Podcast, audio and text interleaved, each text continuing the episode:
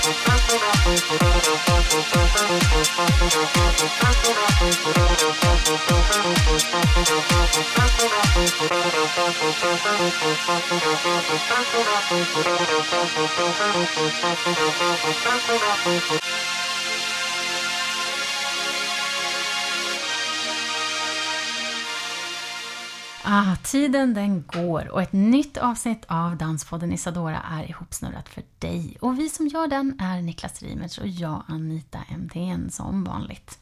Nu har vi kollat på film igen och det är Singin' in the Rain som är föremålet för vår beundran, det måste jag ändå säga. För man kan inte annat än åtrå en film som håller så hög klass i takt och i tema. En klassiker helt enkelt. Lite kort om filmen så är det en amerikansk romantisk musikalfilm gjord 1952 men den utspelar sig 1927, precis när stumfilmen gick över till talfilm och den tar upp en del problem som uppstod när skådespelares röster inte höll måttet, bland annat. I huvudrollerna så ses Gene Kelly, Donald O'Connor och Debbie Reynolds. Filmen hade publikpremiär i USA den 27 mars 1952 och svensk premiär den 29 september samma år. Den gick bra på biograferna och den fick faktiskt några Oscars, även om inte som bästa film.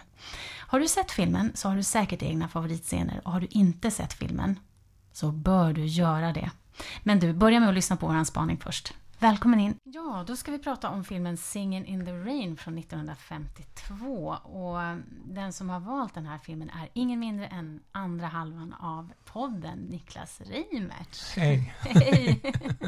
Hej på andra sidan bordet. Hur mår du? Jag mår jättebra. Ja, jag tänkte så här, eftersom du är presenterad redan i tidigare avsnitt här så kan vi ju skippa further info. Mm, det tycker jag också. Eller? Ja, det tycker jag. Om inte du har någonting. Nej. Är det någonting särskilt annat som du vill säga innan vi sätter igång? Nej, jag tycker vi rockar. Vi gör det. Eller vad man nu gör. Go with the flow. Ja. Vi är ju inne i en sån här dansfilmstreak nu och ser film efter film för att så skanna av det som är mest och bäst just nu som vi, som mm. vi ser i alla fall. Men för dig verkar det inte valet vara så himla svårt. Nej, faktiskt inte alls. Nej, Singin' in the Rain är ju en av dina favoritfilmer så all time. Eller? Ja, ja, inte bara en av mina favoritfilmer. Jag skulle vilja gå så långt och hävda att det är en av filmhistoriens bästa filmer. Ja, Till och med. Ja. ja.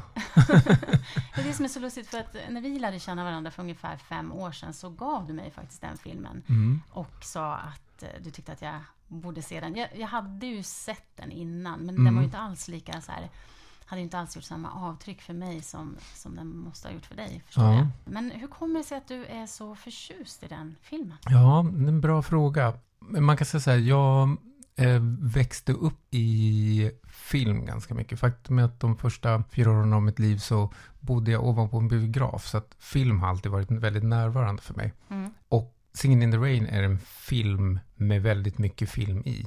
Delvis för att den refererar till filmen som som, eh, som värld. Delvis för att det också är väldigt mycket film i själva filmen. På vilket sätt då? Ja, men delvis så är det det, det är ju stor, det är väldigt stora penseldrag. Mm. Och det är en mastig film. Och det, det, det, allt är fullt påslag hela tiden. Mm.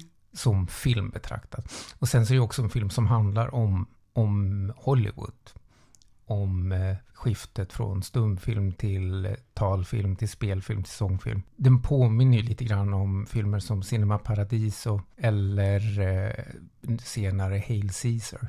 Mm, just det. Så det är ju det är liksom delvis metafilm och delvis är det en film som uttrycker en väldig glädje och kärlek till film.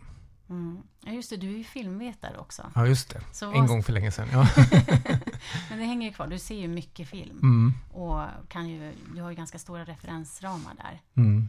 Eh, vad ser du i den här Singin' in the Rain utöver sång och dansnumren som finns i den? Jo, men det jag ser utöver sång och dansnumren, för egentligen så är det sång och dansnumren jag tycker allra bäst om. Men eh, det jag ser Eh, det, delvis är den ganska intressant för att om man pratar om metafilm, film som handlar om film, så var den här relativt tidig. Det fanns ett antal, det fanns en handfull metafilmer innan Singin' in the Rain. Men inte så himla många. Så delvis var det en väldigt tidig film om film och delvis var det en film som behandlar sin egen bransch ganska cyniskt. Mm. För den är inte så himla snäll mot... För att vara en Hollywoodfilm så är den inte så himla snäll mot Hollywood. Mm. Men lyckas ändå förlåta Hollywood och visa en slags kärlek till, till mediet som så. Var det, var det någonting som var specifikt för den här filmen? Skulle den vara kritisk eller? Jag vet jag tror, ja, jag tror att den skulle vara kritisk. Man får förstå, den här filmen kom ju 52. En tid då vi pratade om McCarthyismen, vi pratade om amerikanska filmcensuren var väldigt stark. Så att eh, Hollywood höll på att bli ganska förljuget. Mm. Och den här filmen, jag skulle kunna se den som en indirekt kritik av hur förljuget Hollywood höll på att bli vid den tiden. Mm. Så du tror att det fanns en, en den meningen? Jag fanns, tror liksom? verkligen att det fanns den meningen. För jag vet, Gene Kelly själv var ju lite illa ute under den här perioden. För han hade ju vänstersympatier. Mm. Och eh, var under luppen från McCarthy-kommissionen och från, från liksom Hollywood, de som styrde Hollywood då, så att säga. Mm. Så att om man överdriver, det kanske man inte ska göra, för, men delvis så handlar det om att skådespelerskan får inte använda sin äkta, riktiga röst, så att säga. Mm. Och det var ju delvis kanske det som skedde med amerikanska censuren. Det var ju att filmmakarna fick inte använda sina riktiga röster. Utan det var andra som la ord i munnen på dem därför att det var väldigt viktigt att man inte sa fel saker eller inte gjorde fel saker. Vilket man ser senare i filmen också, där faktiskt filmcensuren varit framme och varit ganska klumpiga faktiskt. Ja, just det. Det är ju en scen där som, som det är klippt Ja, i. otroligt hårt hänt. Ja. det ser helt bisarrt ut, men de tog ju bort vad det kan ha varit, 20 sekunder film för att det var för sexigt. Mm. Och filmen i sig är ju ganska osexig tänkte jag säga. Ja, den är väldigt osexig. Förutom den lilla scenen så är den ju en otroligt kysk film. Och det är den där scenen med en fem fatal. Ja. Eh, där man faktiskt, ja det tränade ögat ser ju det, men man kan ju tro också att filmen, att det är någon slags glapp. Eller något ja, exakt, precis. Men om man tittar på det några gånger så ser man att det där är ju helt knasigt. Mm. Men det var helt enkelt, de klipp, klippte bort en scen därför att den kvinnliga dansaren var alldeles för erotisk och alldeles för initiativtagande erotisk. Så mm. det, det åkte ut i filmen och finns inte kvar helt enkelt. Men hon, vad heter hon, den skådisen? Sid Charisse. Sid Charisse, bra. Ja. För att eh, hon hade också lite speciella ben. Ja, precis. De är långa. Ja, de är superlånga. Och hon har ju varit med i, värld, i Guinness rekordsbok för att hon hade rekord för världens dyraste ben. För att de var försäkrade till 5 miljoner dollar. Och det får man fatta, det kostade 2,5 miljoner dollar att göra Singin' in the Rain. Så det var mycket pengar på den tiden. ja, just det. Och sen var hon, ja. Ja, det var en dyr film. Så att nu, nu pratar vi om att man skulle ha, ha försäkrat benen till kanske 300-400 miljarder dollar. Liksom. Det är ju otroligt. Ja. Så han hade världens dyraste ben. Men det var väl ingen annan som försäkrade sina ben? Var hon, för det låter som någonting som man inte... Eller det kanske man gör idag? Jag vet inte. Men det var hennes varumärke i alla fall. Just det, hon hade det. Hon var också mm. längre än Gene Kelly. Ja. Och det, det har han koreograferat ganska bra. För det är han som har koreograferat i den här filmen. Ja, precis. Eh, för, för, man förstår ju att hon är det. Och samtidigt så ser man inte det så tydligt. Nej, han har lyckats placera sig. Det, han gör en Tom Cruise liksom. Och placera sig själv i kameran hela tiden så att han ser lång och stark ut. Precis. Men nu när man ser den här filmen idag mm. så, så slår det ändå hur väl den fungerar. Ja. Handlar det bara om att den är filmad i Technicolor? Mm, nej, det skulle jag inte säga. Alltså nej. Technicolor tycker jag har en funktion. Så tillvida att Technicolor gav ju väldigt mättade färger och den får en att, som Technicolor, så länge man har kvar originalen så, bli, så kan man alltid återskapa liksom en ganska modern kopia som inte är urblekt. Därför så får den inte den här gamla urblekta filmen-känslan. Så delvis har det med det att göra, för den ser ny ut bara därför. Mm. Men Technicolor liksom transcenderar ju tiden lite grann därför att det är så otroligt mättat. Och det känns som någon har liksom digitalt förstärkt en modern film liksom, med mm. färgerna mm. för att det ska vara snyggt och mastigt och maffigt liksom. Mm. Men jag skulle säga att det är en ganska, för att vara 52, det är ju faktiskt, det är ju 60 plus år, 65 år sedan. Så känns det ändå som en hyggligt modern film. Det finns ju lite undantag, men förvånansvärt modern. Och mm. Kanske också förvånande, det kanske är att temana inte är så otroligt tidsbundna. Jag tror också att den känns lite modern därför att hur man använder dansen för att kommunicera Mm. Har man varit gjort förr eller senare. Och därför så har man inga referenspunkter. Det liksom finns inte någon nyare version av att försöka integrera dansen så tajt i filmen. Så att det finns liksom en uppdaterad ny version där det görs bättre. Mm. Så, så, att man kan inte säga liksom att ja, ja, det, det, där var på den tiden de inte visste bättre. För det känns fräschare. Det känns fräschare. Det är väldigt lustigt. Mm. Det ser nästan ut som de här eh, svartvita bilderna som man tog förr i tiden och sen målade på. Japp. Så att man Verkligen. skulle kunna tro att man har använt någon sån teknik, men det har man ju inte. Nej.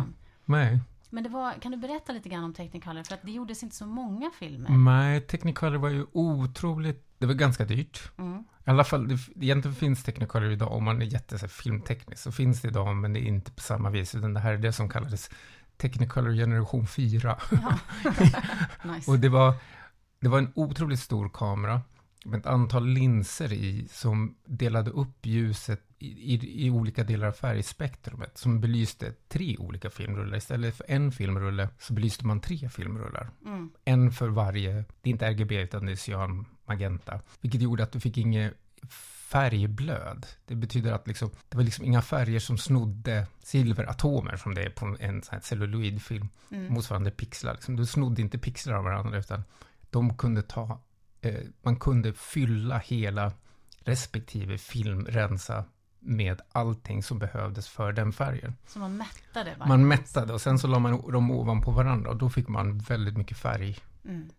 Färgmättnad. Men det var ganska jobbigt att filma? Ja, kamerorna var ju, delvis hade du tre filmrullar istället för en. Och eh, så var det ju liksom otroligt stora linser, otroligt stora och hela den här äh, prismorna de hade för att dela upp det. Allting var väldigt stort och tungt och tidskrävande. Filmerna var också väldigt långsamma så man krävde väldigt stora, väldigt mycket ljus för att kunna få liksom färgerna fast, få bilderna fastna på filmen. Mm. Och sen så var det faktiskt också problem med ljudet, så det krävdes också otroligt stora mikrofoner. Oh. Så att allting var stort och tungt och, och också jäkligt dyrt. Nej, men, men i filmen så ser man också de här eh, stora mikrofoner. Men är det, det kanske var den typen av mikrofoner? Det var ännu större? Ännu större. De var ännu större. Ah, ja. Så var enorm, det, allting var stort och mm, dyrt. Mm, mm. Och det var krävdes Technicolor skickade dit personal. Så att det var liksom, dessutom så hade man Technicolor personal som var med och la sig i hur allting skulle göras för att det skulle bli optimalt. Vadå, det fanns ett speciellt Technicolor team? Japp. Jaha. Japp, och det fanns en kvinna som var The Queen of Technicolor som var med och la sig i varenda film hur de filmade för att det skulle bli optimalt. Men vet du någon annan Technicolor-film? Jo, men Borta med vinden är Technicolor till exempel.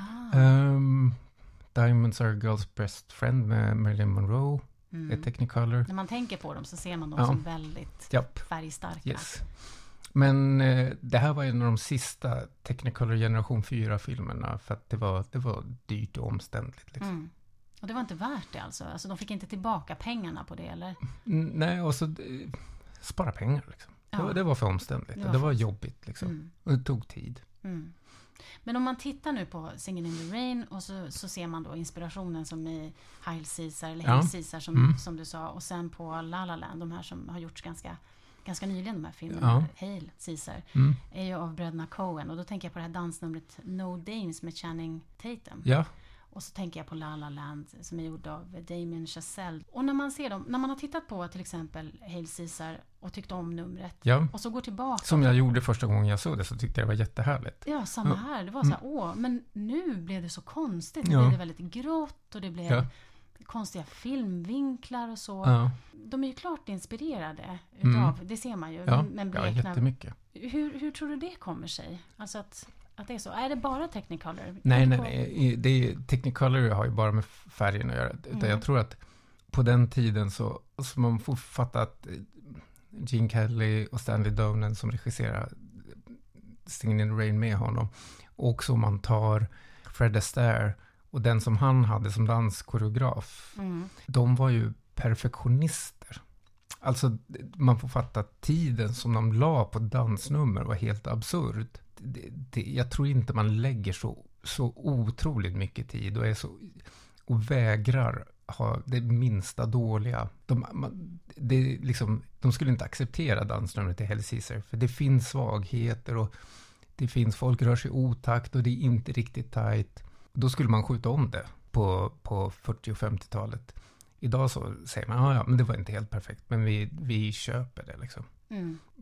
På, på den här tiden så dansar man alltså bokstavligen till, till man blev sjuk eller till som Debbie Reynolds i Singin' in the Rain som blödde. Hon Mm. dansade så mycket att hon blödde liksom. Mm. Just det. Och det är liksom, det, man hade liksom, en, man var så besatt av dansen. det. Det fanns ingen pardon. Där var det liksom, man körde tills man, tills man var slut. Gene Ja. Kelly i Feber, Ja, hans motspelare där ja. Blev sängliggande i flera dagar. Efter ett nummer där, ja, Ja. precis. Och hon, hennes fötter blödde. Ja, Hon har ju kallat eh, Gene Kelly för en tyrann vad gäller det här dansandet. Ja. För hon fick hålla på i 19 timmar eller något sånt ja där. precis. Och det var för att de, de det, det, det var bara perfektion som accepterades. Men det fanns också en så här eh, kameraåkning som var speciell. Någon slags dansande kamera. Ja, just det det. som. Ja, men och det är genomgående i hela filmen. Det är att, och det är en av orsakerna till att jag tycker om filmen så mycket. Det är att man får, dels får man tänka på att det här var ju väldigt tunga kameror, så att de var svåra att arbeta med. Men Kelly accepterade inte heller att kameran var statisk. Om, om alla i rummet dansade, varför skulle kameran vara statisk? I, i många dansscener, av dansscenerna så är ju faktiskt kameran i konstant rörelse också. Mm. Inte så överdrivet, men den är i konstant rörelse så att den är liksom som en meddansare i rummet. Mm. Väldigt mjukt ändå. Ja, väldigt mjukt. Hur sjutton gjorde de det? För jag tänker de måste ju ändå ha haft de här rälsen. Ja, men det var det de hade. De hade räls och de hade kranar och sen så Ja. körde de och körde de till det blev perfekt. Mm. Och blev det fel så tog man om och så blev det fel så tog man om. Mm. Men det, det ger också liksom att det är liksom inte bara dansaren i rummet som, som gör rörelser utan det är också kameran och rummet själv som rör sig. Mm. Vilket skapar en, en otrolig dynamik. Vilket jag tycker är jättehärligt att se. Ja, jag tänker på eh, dels att eh, kostymören där var, eh, som också hade gjort scenkläderna, var det till Borta med vinden? Borta med vinden, precis. Fick göra 500 olika... Ja, det är Typ utav- 500 olika. Det är också väldigt charmigt och Ja. helt onödigt, men väldigt charmigt att i varenda scen så har de på sig nya kläder. Ja, Och den ena kreationen värre än den andra. Men det är härligt att se, för det är ju också att det är väldigt Ja. mycket film. Liksom. För så går det ju inte till i verkligheten. Det finns ju en förljugenhet i att de byter kläder så fort de är i ett nytt rum. Liksom. mm. Men det är ju film och det är ju kuliss och då, då kan man kosta på sig att ha på, ha på sig, och speciellt, nu kommer jag inte ihåg vad hon heter, eh, skådespelerskan som spelar Lina Lamont, just det, Jane Hagen. Jen Hagen, hon har ju på sig fantastiska dräkter hela tiden. Ja, verkligen. Ehm, och, och att man kostar på sig det också är helt otroligt. Mm.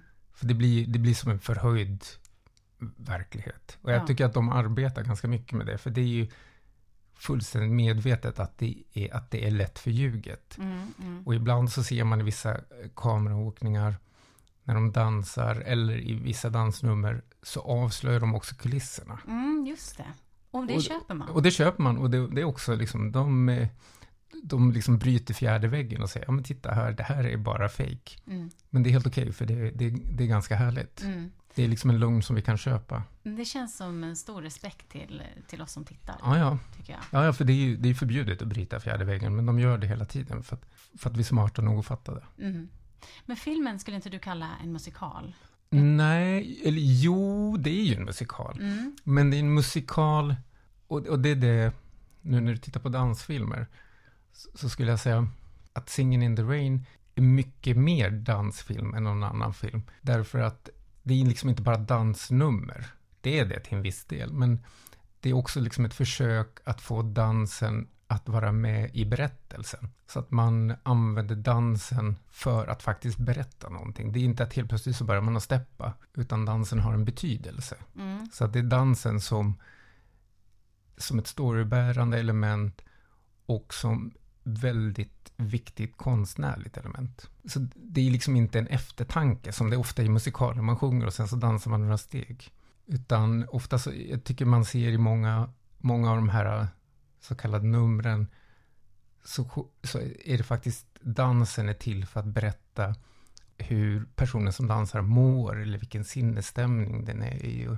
Ja. så det är inte bara så att man steppar. Man dansar lycka, man dansar komedi, man dansar...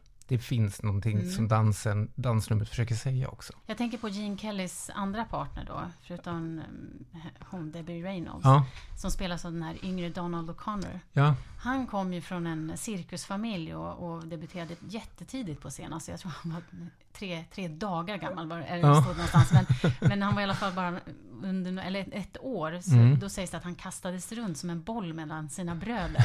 Jag tycker jag har hört andra också. Var det inte så i Bröderna Marx? Hade inte de också någon sån bakgrund? ja, de är ju, Marx var ju så här vaudeville-artister, de kom från vaudeville-familj. Precis som de här personerna i Gene Kelly och, vad heter den andra? Eh, Donald O'Connor. Donald Connor spelar. De Just, var ju vaudeville-artister, de var ju vaudeville-familj. just det. Mm. Han är ju extremt lätt på fötterna Ja, han är jag, det, det är kanske en av svagheterna i filmen. Mm, Det är att eh, han är så pass bra. mm, Att Gene Kelly faktiskt verkar ganska stor och tung och klumpig mm. och, och lite gammal. Ja, Han har inte samma snärt i steget liksom. nej, är det lite jobbigt att säga att, att där kan man se att åldern Ja, har tagit ut sin rätt? ja. Men det finns en tyngd i hans, i hans rörelser som, som den andra inte har. Eh, jag skulle säga att han, det finns ju ett par nummer när de dansar ihop. Och tyvärr så stjäl ju han scenerna från Gene Kelly. Ja. Då är det bra när han gör de här egna numren, som Japp. Make 'em Laugh till exempel. Japp. När han är som en boll. Ja, ja men då är han in- som en gummiboll. Men annars skulle jag säga just min, och nu, jag drar växlar, men jag skulle säga mitt favoritnummer är, vad heter det, Moses Supposes. Ja. Som, det är inte meningen, men för mig läser jag den lite grann som en dance battle. Mm. För det är ju två personer som dansar med, egentligen dansar de i samma steg, Mm. men med ganska distinkta stilar ändå. Många av rörelserna känns väldigt hausiga. Mm. Och speciellt när den här yngre killen dansar. Det känns väldigt hausigt. Och det Mm. blir nästan som liksom en, en duell mellan de här två där, där man tolkar samma rörelse på två olika vis. Just det. Och tyvärr så förlorar ju Gene Kelly så att, Han har annat. ja, Och vi har sett honom åka rullskridskor så, men ja, precis. dåre hur Ja. bra som helst. I en annan film, vilken film var det? Det var... Eh, det var någon som kom några år senare, jag kommer inte ihåg vad den hette, men det var eh, i senare delen av Gene Kellys karriär. Alltså det här var ju också senare delen, men Ja, verkligen på slutet. just det. Men i övrigt då, vad tycker du om, om den här partners kara- karaktär? Eller, han, han är ju någon slags förlösare. Han är ju den som kommer med idéer. Ja, ja, ja. Och sen så, så blir alltid Gene Kelly kallad geniet då. Ja, precis. Han, eh, han på... Nu när du säger det, det här har jag inte tänkt på förut, så nu är det här ganska en slarvig spaning. Ja, Men han påminner lite grann om, eh, både i Molière och i Shakespeare så hade du amman. ja, Du vet, det var alltid en äldre kvinna som stod för vett och sans och förnuft och de goda idéerna. ja, Och sen så var det alltid någon annan som fick äran för den. Och Ja. den personen var också precis som, som, som den här karaktären, de är ju också en sanningssägare. Cosmo, ja, heter han. Precis, Cosmo. Mm. Cosmo är ju en sanningssägare, han säger ju alltid sanningen. Mm, Precis som Amman i Romeo och Julia eller eh, motsvarande, jag kommer inte ihåg vad hon heter, i Inbillade sjuka, som alltid berättar sanningen. mm. Det är nästan den figuren, den arketypen, fast som en yngre man. Liksom. Ja, och den behövs. Ja, den behövs. Ja, den är, funkar bra i, i storyn. Ja. Eh, en liten passus här bara att han eh, blev erbjuden rollen som James Bond i den här första James Bond-filmen. Jaha, Med men han tackade nej till den, jaha. som vi vet. Ja, det visste jag faktiskt inte. Jag har lite svårt att se honom som James Bond, men Ja. kanske. Kanske, ja. Mm. Mm, Ganska... Han var ju inte så gammal när de spelade in den här filmen. Nej, Han är var- 20-årsåldern, och sånt där, 25. Ja, Och hon Debbie Reynolds var inte heller, hon var 19. 19. Ja. Eh, det finns ju en annan som har en väldigt tongivande roll och det är den här Gene Hagen Ja. då, som är den där stora stjärnan med den oönskade rösten. ja, Vad är dina känslor för henne? alltså det skulle jag säga. Alltså, hon fick ju en Oscar för den rollen. Mm. Och det skulle jag säga var välförtjänt, för att det är ju ett komiskt geni. För det, mycket av hennes komedi består bara i att, att vara närvarande i scenen, inte ha ens kanske dialog, Mm. men utan bara vara närvarande och vara lite tom. Mm.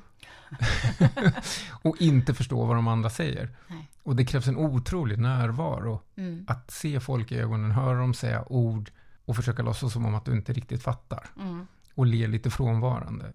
Och, och hon spelar det perfekt. Och du gjorde någon koppling till en svensk. Ja, just det. För mig är det lite grann det som Björn Gustafsson har byggt stora delar av sin karriär på. Just.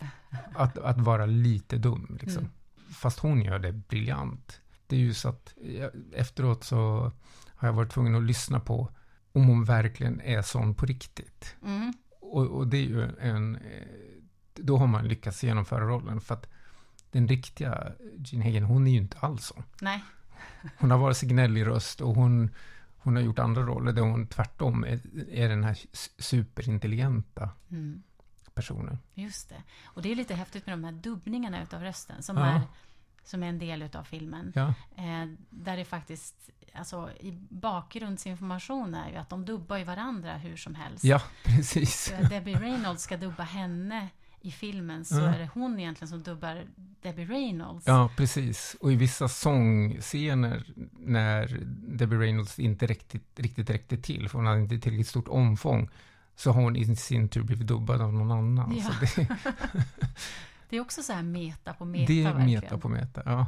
Om du skulle välja ut, jag tror du kanske sa det, men Mm. någon favoritscen eller något favoritnummer förutom då Moses Supposes. Och som Ja. förresten, den var ju en original... eh, ja, just det, Den var precis. skriven för filmen Ja. och så var det någon annan som också var det. I övrigt så var det filmer som, eller låtar eller sångnummer som... Gamla pärband som de hade plockat in liksom. Just det. Ja. Nej, men jag skulle säga Moses Supposes överlägset. Mm. Verkligen. För, för den, den känns som den skulle kunna vara gjord idag. Liksom. Förutom att de steppar, vilket kanske inte man ser så ofta på film nu för tiden. Mm. Så känns den väldigt modern. Mm.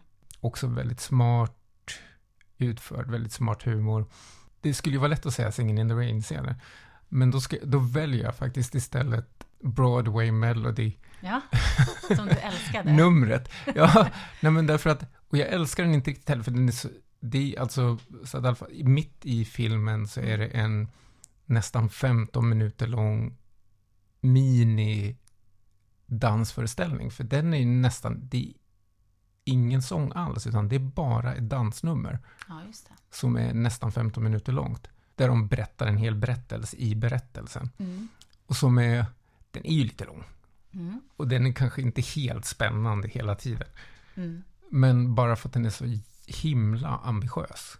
Men den var inte en, en som du älskade när du såg den första gången? Nej, nej, och när jag var liten så hatade jag den. Jaha.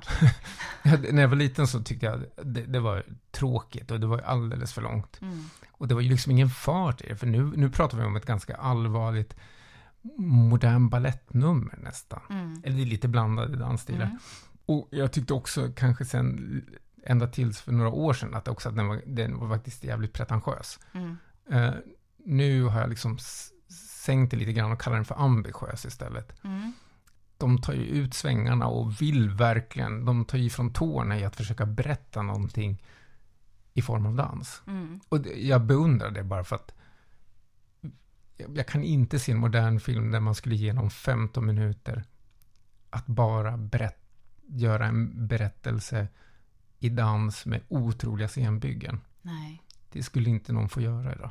Jag tänkte på La La Land, den här inledningsscenen Ja, där. Den, japp. är, den är inte... Ja, den är ganska lång. Ja, Eh, Den är också, känns ju också väldigt så bombastisk. japp. Eh, Men det är ju det som känns stort i den filmen. Fast Ja. nu när jag säger det, förlåt, så tänker jag på när de svävar där också med stjärnor och Ja, just Det är det. också ganska stort. Ja. Men, Men, där, där är ju ett musikalnummer. Liksom. Där sjunger Ja, man och dansar och precis. liksom gö- ger ögongodis, Mm. örongodis. Den här är ju lite mer krävande, för här är det ju verkligen, det är ju bara dans. Mm. Det är ju ett sätt att göra, försöka göra en modern dansföreställning på film. Mm.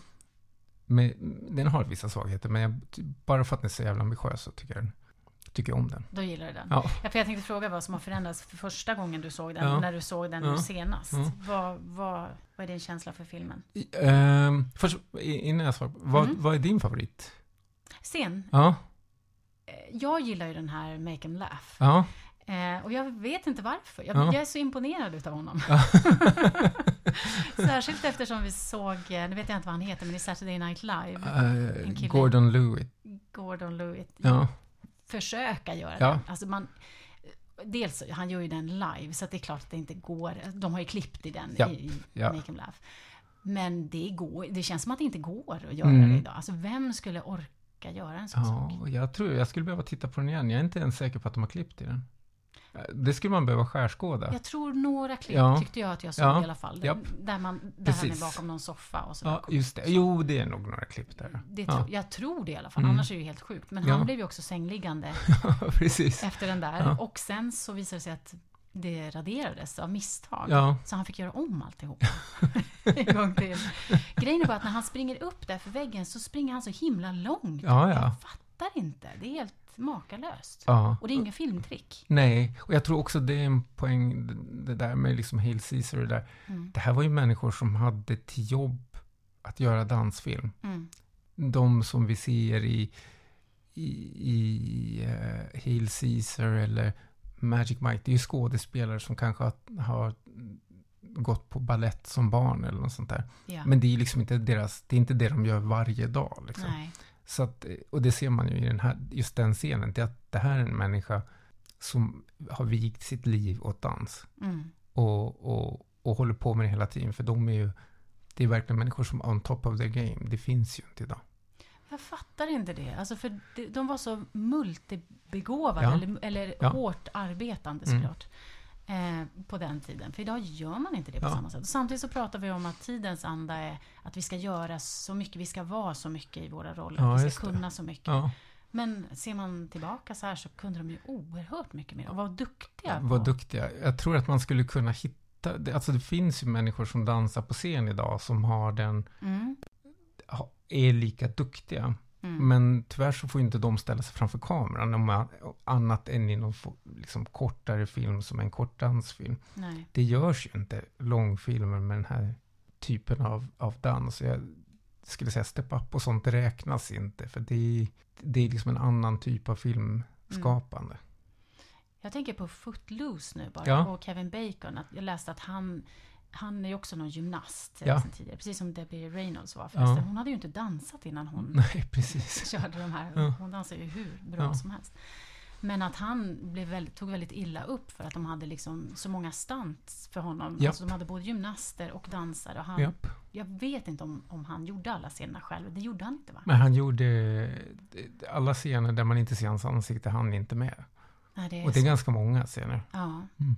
Det är så mycket sånt. För jag tänker på eh, Black Swan också. Ja. Med Natalie Portman. Ja, Så, vänta, men hon dansar väl i de... Nej, det gör hon inte Nej. hela vägen. nej. Det är ju precis som att, att titta på Ja, eh, Flashdance. Flashdance. Ja. Jag menar, om man skärskådar den noggrant så ser man att det är när Jennifer Beal uh, gör breakdance är det faktiskt en afroamerikansk kille som gör det egentligen. Mm. men det köper vi. Men det köper vi, Mm. precis. Men grejen var, och det är det som vi kommer tillbaka till varför jag tycker mycket, på den tiden så accepterar man inte det, utan då skulle man tvinga Jennifer Beal att träna och träna till hon kunde det. Mm. Eh, för att det skulle vara autentiskt. Så man behöver inte köpa det, för att, och speciellt vad det gäller dansen. Mm. Rösten och sången kunde man vara mer förlåtande med, Mm. men dansen skulle de banne mig göra själva. Men jag respekterar det. Ja, det är, res- och det tycker jag om, jag respekterar det, för Mm. det, och det är det som gör skillnaden. Det är Mm. så här, ja men kan du inte stegen får du öva på dem till bokstavligen dina fötter blöder. Mm. Och det är liksom ingen pardon. Nej. Och det, men det syns också i kvaliteten. Och jag kommer ihåg, vi såg ju um, Flashdance på scen. Ja, Och där finns ett nummer som heter Det ska göra ont eller något sånt där. ja. Ja, precis. Ja. Och, och det är precis det som är liksom mel- melodin som ligger bakom uh, Singin' in the Rain. Ja, men det ska göra ont. Ja.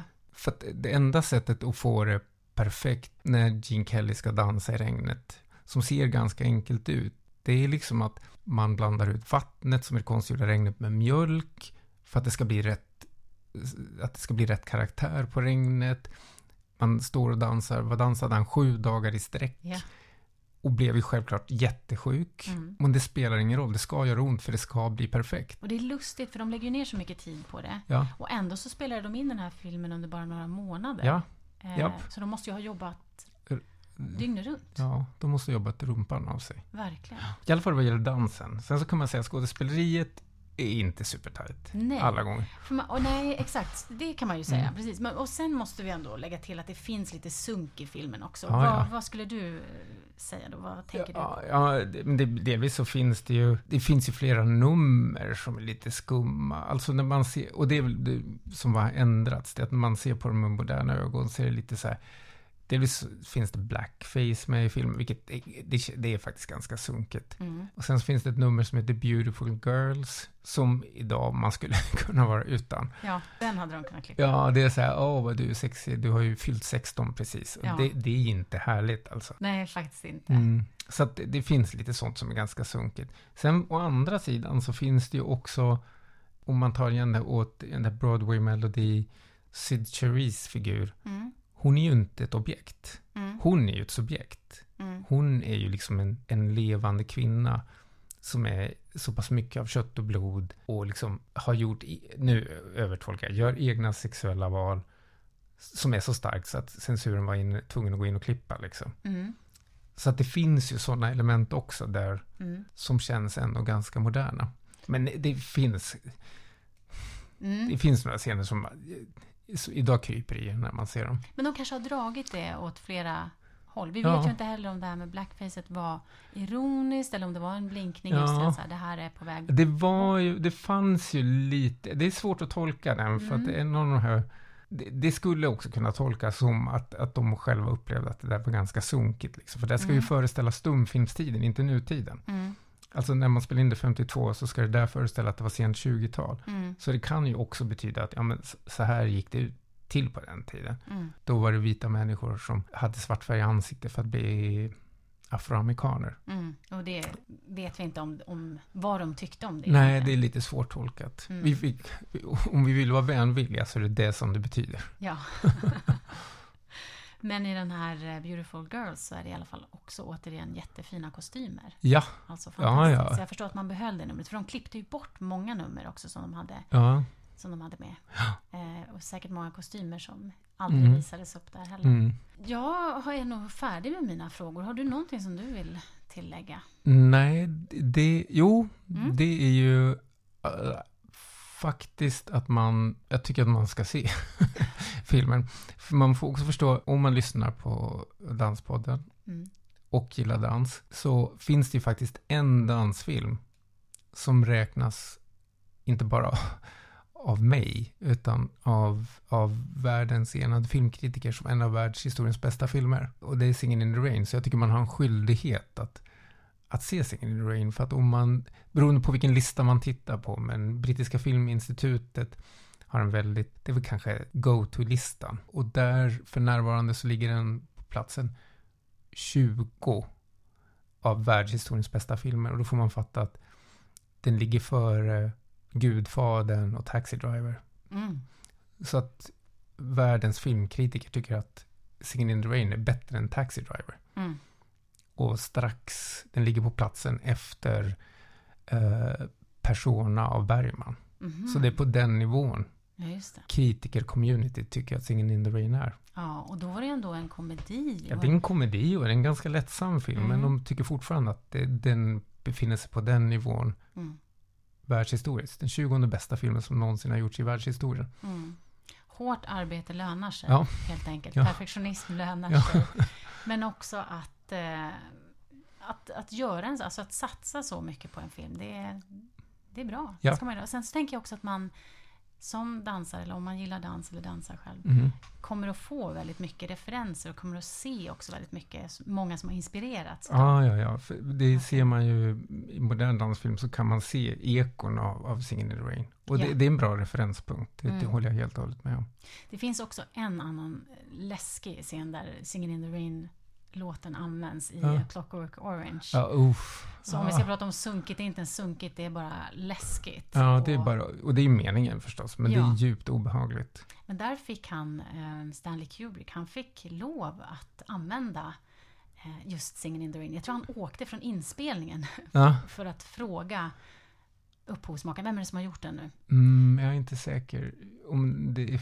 Nej, det är inte Freed själv. Jag kommer inte ihåg vem det var som skrev Singin' in the Rain. Just det. Men den hade använts i en film från 1929 innan, här för mig. Ja, ja. Ja men för det fall. var en äldre precis. Det var en äldre. Ja. Och den, eh, det fick han ju lov Mm. till. Eh, sen undrar man då om, om han visste hur den skulle framställas. Så om ni inte har sett Clockwork Orange, gör kanske inte det. Eller så gör ni det. Det är en väldigt bra film, men den är gjord för att skapa ett intensivt obehag hos den som tittar. Verkligen. Och det får man vara medveten om att, och att eh, Singin' in the Rain används i liksom ett vämjeligt sammanhang Mm. med flit för att det ska, ska kontrasten mellan och sjunga om att vara lycklig igen. Och, för det är ju en, en sång som beskriver lycka och, Mm. och osar av lycka samtidigt som det, han utför vidrigheter. Mm. Det, det är jobbigt att titta på. Ja, fy. Nej, men vi måste nog se den igen också. Ja. Eh, och eh, Singin' in the Rain, som Ja. jag tycker att ni ska se. Det tycker jag också, absolut. Men med det så är vi klara med det här Mm. avsnittet. Tack så jättemycket. Tack, tack. Så var det ett avslutat avsnitt för den här gången. Avsnitt nummer 60 utav Danspodden. Tack så mycket för att du lyssnar. Vi som gör podden heter Niklas Reimertz och jag Anita Du kan höra av dig till oss på isadorapodd.gmail.com och eller följa oss på en massa andra sätt. Nästa avsnitt ligger bara två veckor bort, så tills dess så säger vi hej då!